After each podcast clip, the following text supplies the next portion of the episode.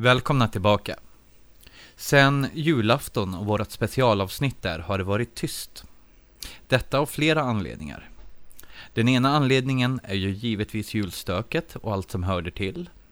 Men också det faktum att vi har tagit oss ur Värmlands mörka skogar och numera har våra tillhåll i huvudstaden. På tal om huvuden så har vi idag en berättelse som våra nyfunna spökskrivare har gett oss, som jag kommer till att läsa här för er ikväll. Den heter Klosterspåret och den kommer här. Så kura ihop er, på med filtar och ljus och var beredda nu på när mörkret faller.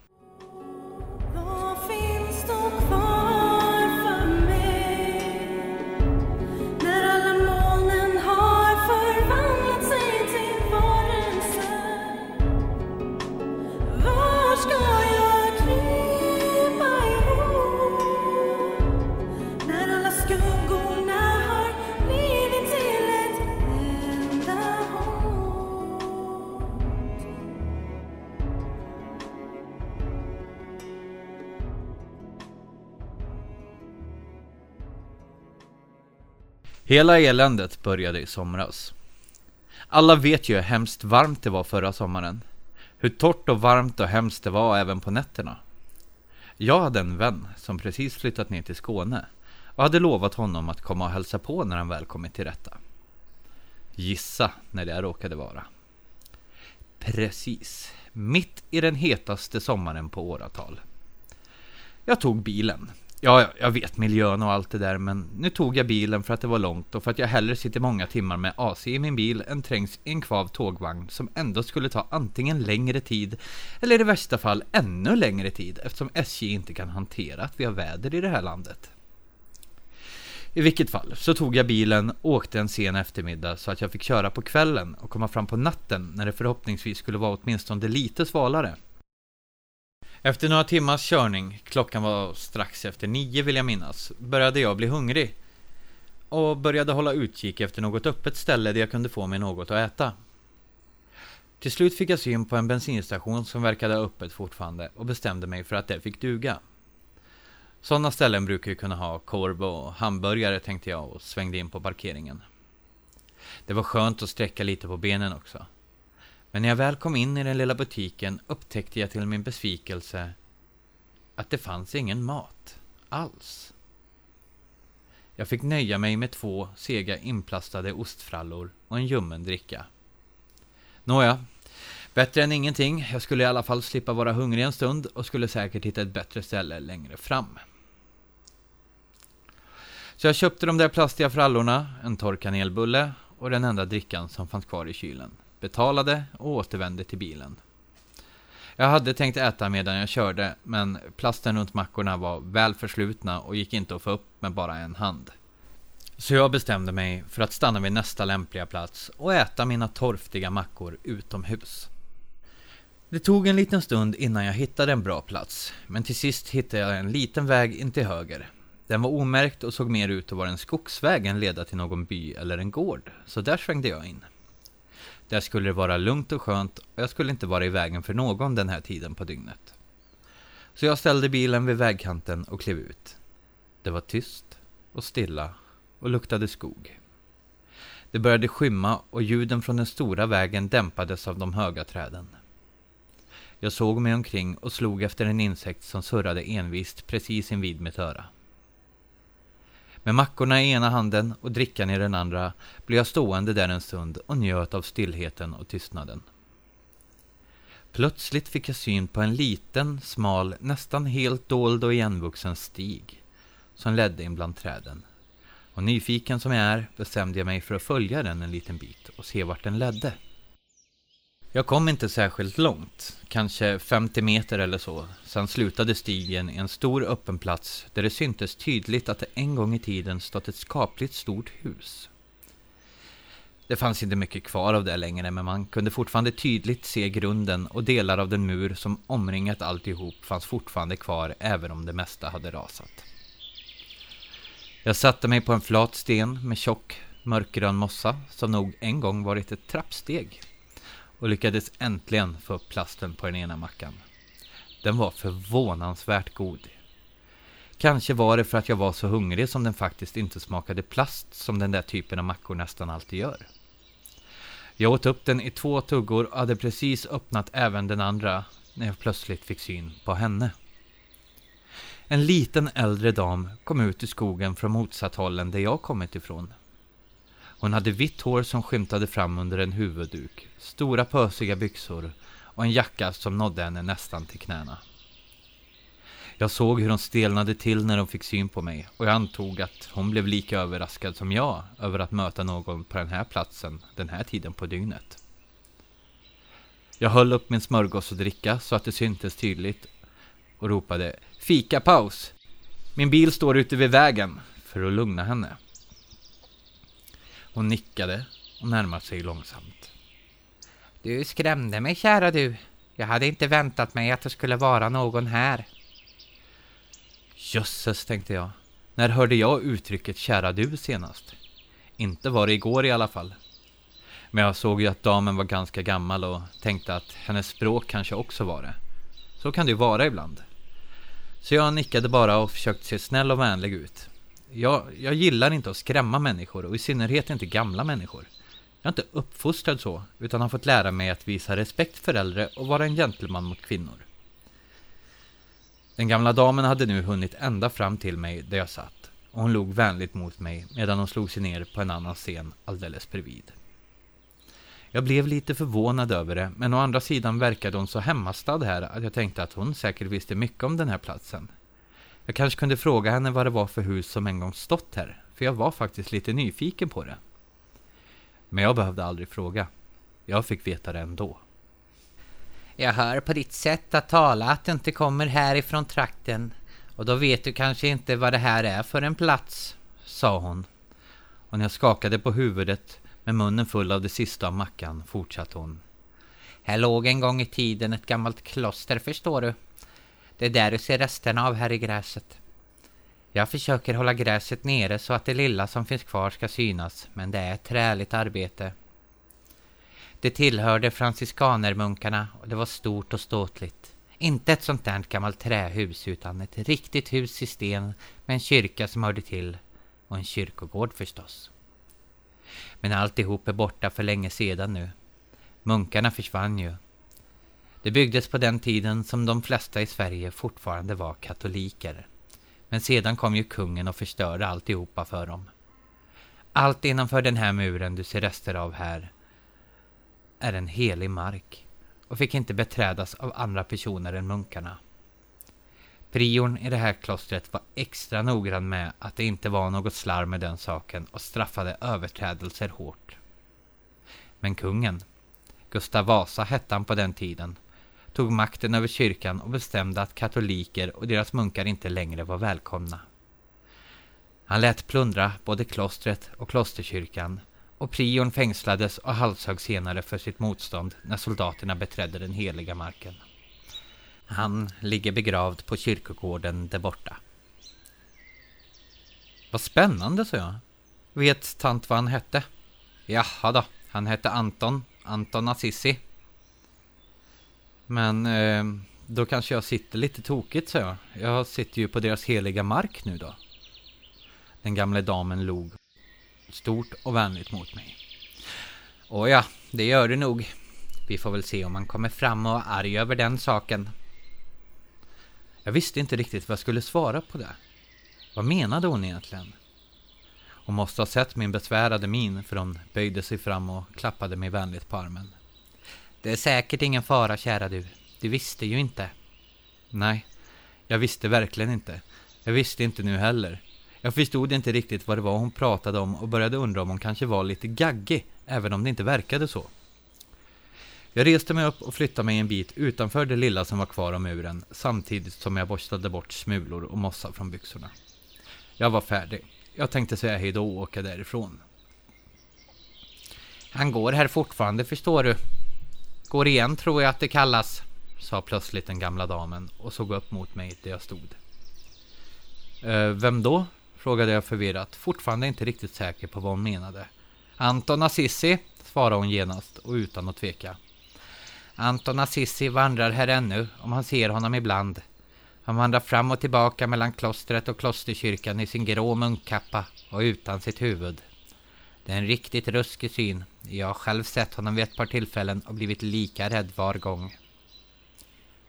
Hon menar att han spökar här, förklarade jag för mig själv alldeles i onödan, för egentligen hade jag nog anat att det var dit hon ville komma. Nej, sådant trodde jag inte alls på. Inte överhuvudtaget. Nu blev jag på en gång övertygad om att damen var lite senil eller gaggig eller helt enkelt bara varit ute lite för länge i solen och värmen och inte riktigt mådde så bra. Hur skulle jag nu göra?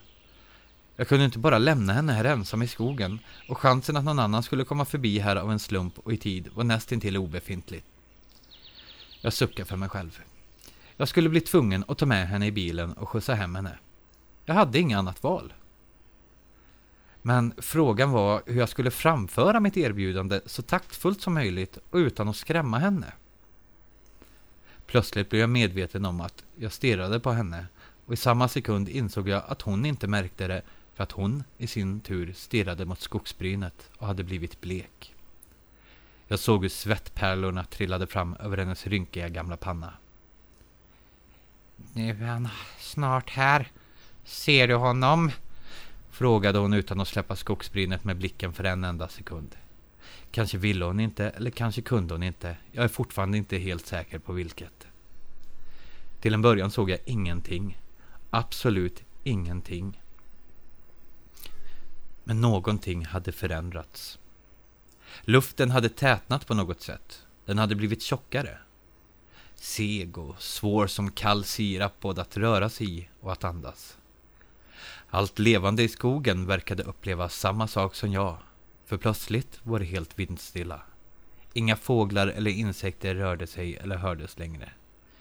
Det var som att allting höll andan och bara väntade. Och lukten sen. Lukten av skog var helt borta och istället svävade nu en tung doft av smält metall i luften. Inte för att jag vet hur smält metall luktar, men jag föreställer mig att det är ungefär sådär som det luktade just då. Jag tyckte mig höra fotsteg och mumlande och det lät som att det kom från överallt och alla håll samtidigt och jag kände hur jag blev darrig i benen. Äsch, fan, tänkte jag för mig själv. Jag inbillar mig bara, jag måste skärpa till mig och jag måste se till att komma härifrån. Men ändå stod jag där, som fastfrusen med darrande ben och kom inte iväg. Den gamla damen såg ut att må ungefär som jag. Hon sa ingenting, men höjde ett darrande pekfinger och pekade bort mot skogen. Och nu såg jag det. Ett svagt ljussken långt inne bland träden. Ingenting mer än så, men det skulle inte vara där och det rörde sig framåt, mot oss, på ett målmedvetet sätt som fick mig att tänka på hur det ser ut när man ser någon på avstånd som går med en lykta eller lampa i handen. Assassi, flämtade damen och såg ut som att hon skulle svimma vilken sekund som helst. Och den här gången, just i det ögonblicket, trodde jag på henne helt och fullt. Assassi, den huvudlösa munken, var på väg mot oss och vi hade båda brutit mot förbudet att beträda den heliga mark som han var satt att vaka över. Jag ville inte, inte ett dugg hade jag lust att uppleva hans vrede, ännu mindre se en huvudlös munk eller ens tro på att han överhuvudtaget fanns eller en gång hade funnits. Och nu, nu släppte min handlingsförlamning. Vi måste härifrån, nu med en gång, innan vi hann se vad det nu var som fanns att se där i skogen. Eh, kom med mig tant så ska jag köra tant hem, det börjar bli väldigt sent, lyckades jag häva ur mig efter att ha tagit sats en stund, för det var svårt att tala i den tjocka luften. Det lät som att jag skrek i tystnaden, men jag tror inte att jag gjorde det. Det var nog bara i mitt huvud det lät så, för jag var faktiskt ganska rädd. Och för att jag så förtvivlat gärna ville komma därifrån och slippa se, ja, vad det nu var. Jag ville inte lämna en gammal dam ensam där med det obehagliga någonting. Hon vände ansiktet mot mig och jag såg att hon log. Hon log och det gav mig kalla kårar. Men till min lättnad sa hon ingenting utan reste sig bara, vände ryggen mot skogskanten och följde efter mig mot bilen. Jag vet inte hur ni brukar göra, men för mig är det naturligt att om man bara är två personer i en bil sätter sig passageraren bredvid föraren. Det gjorde inte damen. Hon gick raka vägen till bakdörren och satte sig till rätta i baksätet som om det var det naturligaste i hela världen.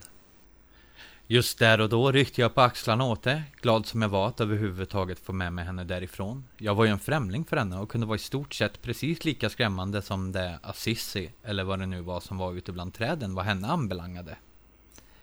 Efteråt har jag dock tänkt på det där. Är det vanligt att folk gör så? Jag vet inte.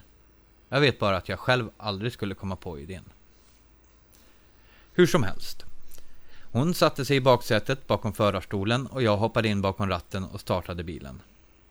Jaha, och vart kan jag köra damen? frågade jag och kikade med ett leende på henne i backspegeln, glad över att vara på väg därifrån. Hem, svarade hon lika glatt och lät ganska lättad. Kör långsamt så ska jag visa vägen. Det är inte långt. Så jag körde och hon dirigerade från sin plats i baksätet. Mycket mer än så sades faktiskt inte. Jag var fortfarande skakad av upplevelsen och antog att även hon var det. Efter att ha slagit in oss i en närliggande by och svängt in på ett litet torg mellan samhällets kyrka och busstation så bad hon mig att stanna. Jag stannade och vände mig om för att säga adjö och allt det där snacket innan man skiljs från en främling man just upplevt något konstigt tillsammans med. Men hon var inte längre där. Baksätet var tomt och efter en snabb blick runt torget kunde jag konstatera att hon inte syntes till någonstans. Hon var försvunnen helt enkelt. Borta, som om hon aldrig varit där. Jag klev ur bilen och ropade efter damen samtidigt som jag svor över mig själv att jag inte ens tänkt på att fråga vad hon hette, så jag åtminstone kunde ropa hennes namn istället för att stå och skrika tant och frun och damen mitt på torget en sen natt i en främmande stad. Tur att ingen såg mig. De hade trott att jag var galen. Om sanningen ska fram började jag nästan tro det själv också. Hon hade väl suttit där i baksätet i min bil? Visst hade hon väl det? Eller? Ja, vad kunde jag göra? Jag fick inget svar och där kunde jag inte stå. Jag åkte därifrån. Jag måste ju vidare och jag måste ju komma fram någon gång till min vän som jag skulle hälsa på. Så jag åkte därifrån och var snart ute på motorvägen igen. Jag kunde inte sluta tänka på det jag just varit med om och resten av resan funderade jag över det som har hänt. Vem var den gamla damen? Hur kunde hon försvinna så där? Jag försökte minnas när jag sist faktiskt såg henne och inte bara hörde hennes väganvisningar och rös när jag insåg att jag inte såg henne efter att vi börjat åka. Jag försökte minnas det lilla torget där de ville bli avsläppt. Fanns det överhuvudtaget några bostadshus där i närheten? Nej, inte vad jag kunde minnas. Bara den där kyrkan. Var det dit hon ville? Till kyrkogården? Kanske avslutade min hjärna tankegången mot min vilja. Varför gick hon överhuvudtaget med på att åka med mig? Vad gjorde hon i skogen från första början så här dags och hur tog hon sig ens dit? Allt det där surrade runt i mitt huvud och jag fick ingen ordning på det. Och då hade jag inte ens börjat med att fundera över vad det egentligen var som hände där borta vid klosterruinen i skogen. Assisi, var det verkligen honom vi anade men slapp att faktiskt se? Och på vilket sätt var det i så fall knutet till den gamla damen? Jag förstod verkligen ingenting av hela den här ganska obehagliga händelsen. Åtminstone inte mer än att damen på något sätt var kopplad till de där ruinerna. Att de faktiskt försvunnit i tomma intet och att jag var ganska skakad av alltihop. Man skulle kunna säga chockad nästan faktiskt.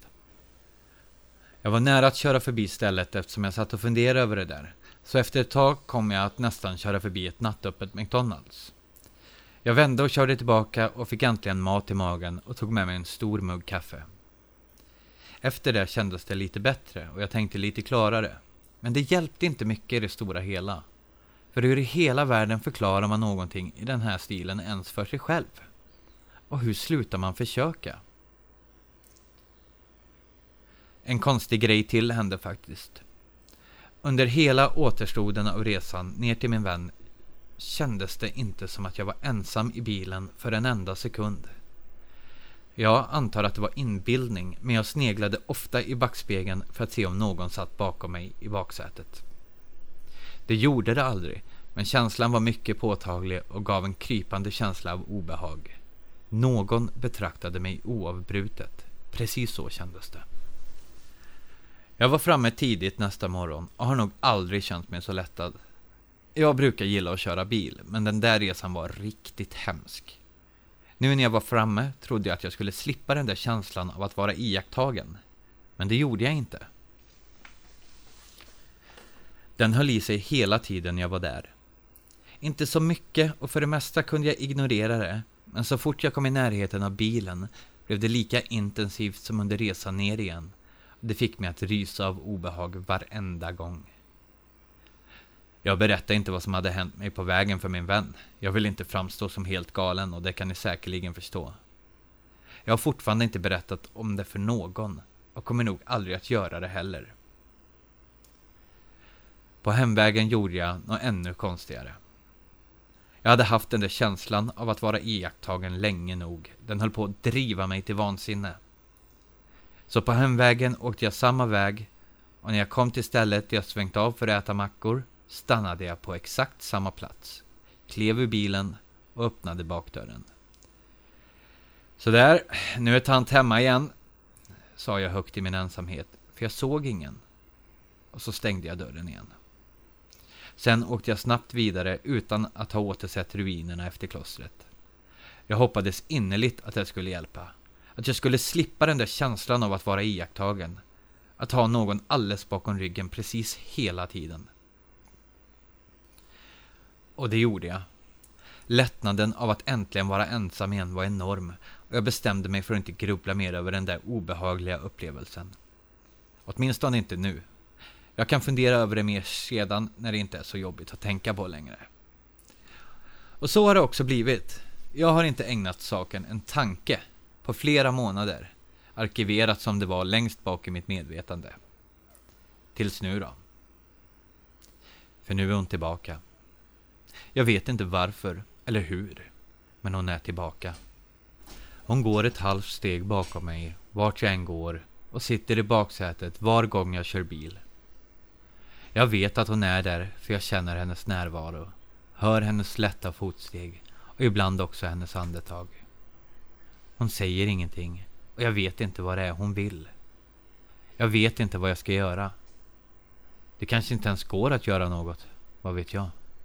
Jag vet bara att numera är jag fruktansvärt rädd nästan hela tiden.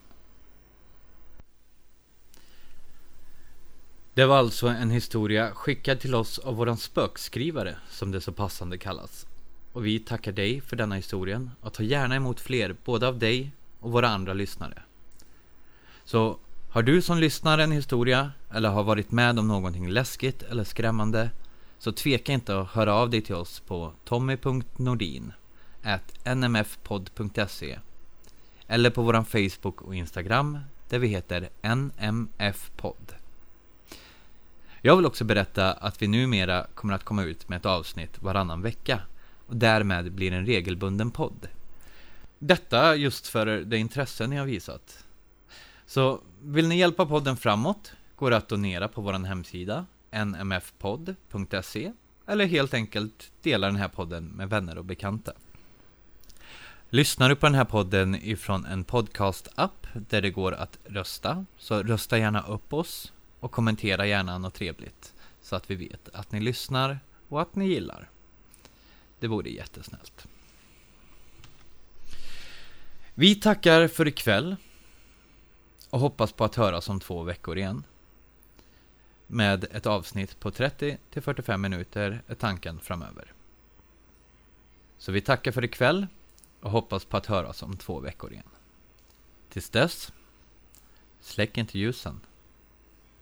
De behövs. När mörkret faller.